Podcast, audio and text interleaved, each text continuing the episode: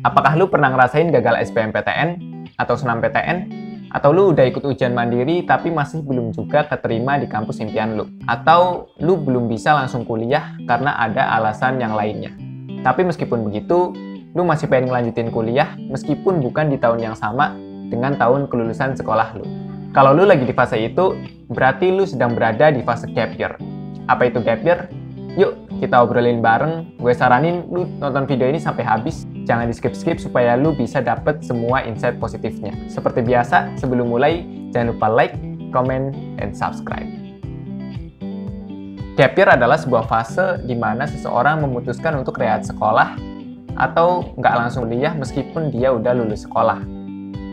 Jadi biasanya orang-orang yang setelah lulus SMA kemudian nggak langsung kuliah itu bisa disebut dengan gap year. Gap year ini ada banyak banget alasannya, kayak yang tadi udah gue omongin di awal bisa karena gagal SPMPTN, senam PTN, kemudian ingin masuk ke kampus dan jurusan yang sudah diminati, atau alasan ekonomi atau keluarga dan sebagainya. Dari penelitian yang dilakukan Carl Hegler dan Ray Nelson di tahun 2013, anak muda umumnya mengambil gap year sebagai kesempatan untuk istirahat dan menjernihkan pikiran setelah menghabiskan hidup di bangku sekolah, sekaligus menyiapkan diri untuk lanjut kuliah. Alasan lainnya adalah mereka ingin lebih mengenal diri mereka sendiri sebelum melakukan komitmen untuk tahap hidup selanjutnya. Beberapa universitas dan perusahaan di negara-negara barat yang udah nggak asing dengan konsep gap pun menyambut positif tren ini. Menurut mereka, mahasiswa dan karyawan yang berpengalaman gap punya bekal dan skill yang lebih dibanding mereka yang nggak pernah melakukannya. Jadi lu yang rasa minder atau ngerasa nggak pede karena lu gap lu nggak perlu minder lagi. Justru dalam masa-masa gap itu, lu punya banyak kebebasan. Lu bisa bebas untuk kembangin bakat lu, ningkatin skill lu, sebelum lu nyoba untuk ikut tes ujian PTN lagi. Gap juga akan mengasah tanggung jawab, kemandirian, dan kemampuan lu dalam mengambil keputusan langkah hidup lu yang selanjutnya. Lu bisa gunain waktu gap itu buat matengin ke kampus mana atau ke jurusan apa yang paling cocok, paling tepat, dan terbaik buat lu. Pada tahun 2015, sebuah survei dilakukan pada lebih dari 700 mahasiswa yang pernah gap di Inggris Raya dan Australia. Hasilnya sangat membanggakan. Lebih dari 90% responden mengatakan bahwa gap membantu mereka dalam meningkatkan kedewasaan dan kepercayaan diri, refleksi dan pengembangan diri, serta kemampuan berkomunikasi interpersonal.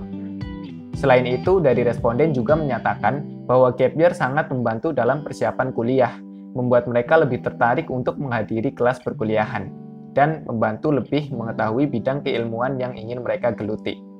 Konsep gap year itu justru tren di luar negeri, karena awal konsep gap year ini sendiri bermula dari tradisi pemuda Jerman. Sebelum Perang Dunia I, mereka berkeliling Eropa sebagai proses pendewasaan dan pencarian jati diri.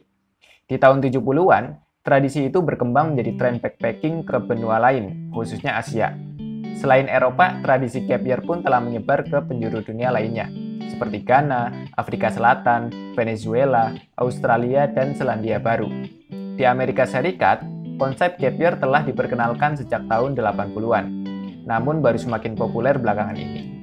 Khususnya ketika Malia Obama, putri mantan Presiden Amerika Serikat Barack Obama, mengumumkan rencananya untuk mengambil gap year sebelum lanjut kuliah di Harvard. Malia mengisi masa gap year tersebut dengan berbagai kegiatan, mulai dari magang di sebuah studio televisi hingga menemani ayahnya berkunjung ke Indonesia beberapa waktu lalu. Nah, kalau di luar negeri gap year adalah sesuatu tren yang positif. Kenapa sih di Indonesia gap year belum populer? Bisa jadi karena pelaku gap year masih dianggap atau dipandang sebelah mata, dicap pemalas, pengangguran, dan sebagainya. Stigma di masyarakat kita nggak langsung kuliah setelah lulus SMA itu bagaikan sebuah aib. Pertanyaan-pertanyaan kayak, kenapa sih kok lu belum kuliah? Itu loh si Fulan udah kuliah di kampus ternama, di jurusan favorit, dan sebagainya dan sebagainya. Itu justru bikin pelaku gap year jadi ngerasa insecure. Nah, biar lu bisa lebih enjoy dan gak insecure ngelewatin masa-masa gap year lu, kita punya 10 tips yang mungkin akan berguna buat lu. Yang pertama, siapin mental. Sugestiin ke dalam diri lu bahwa lu gap year dan itu fine-fine aja.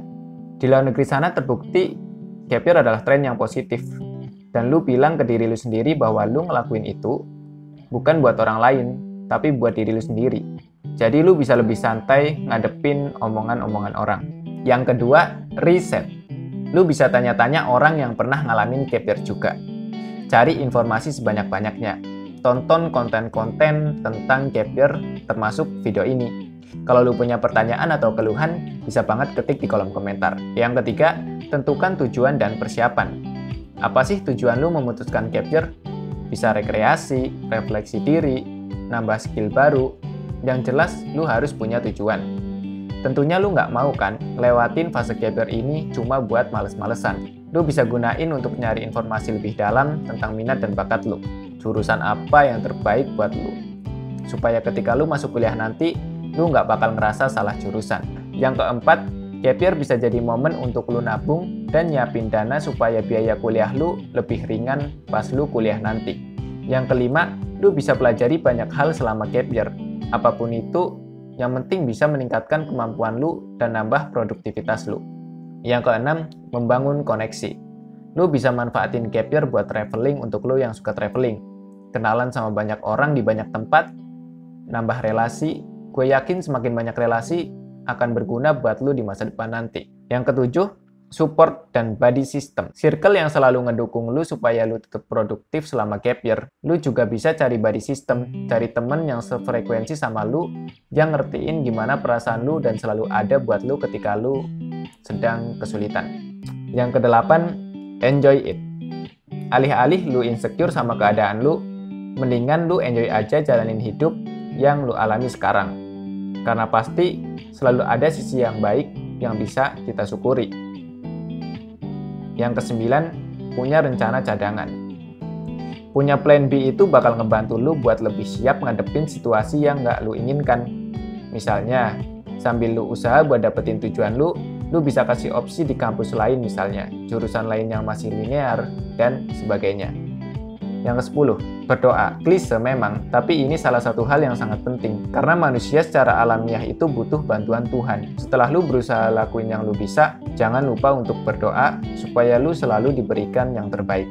Nah, itu tadi beberapa tips yang semoga bisa ngebantu lu buat ngelewatin masa-masa gap lu. Gap ini sebenarnya bukan sesuatu yang nggak enak kalau lu udah tahu gimana cara ngejalaninnya.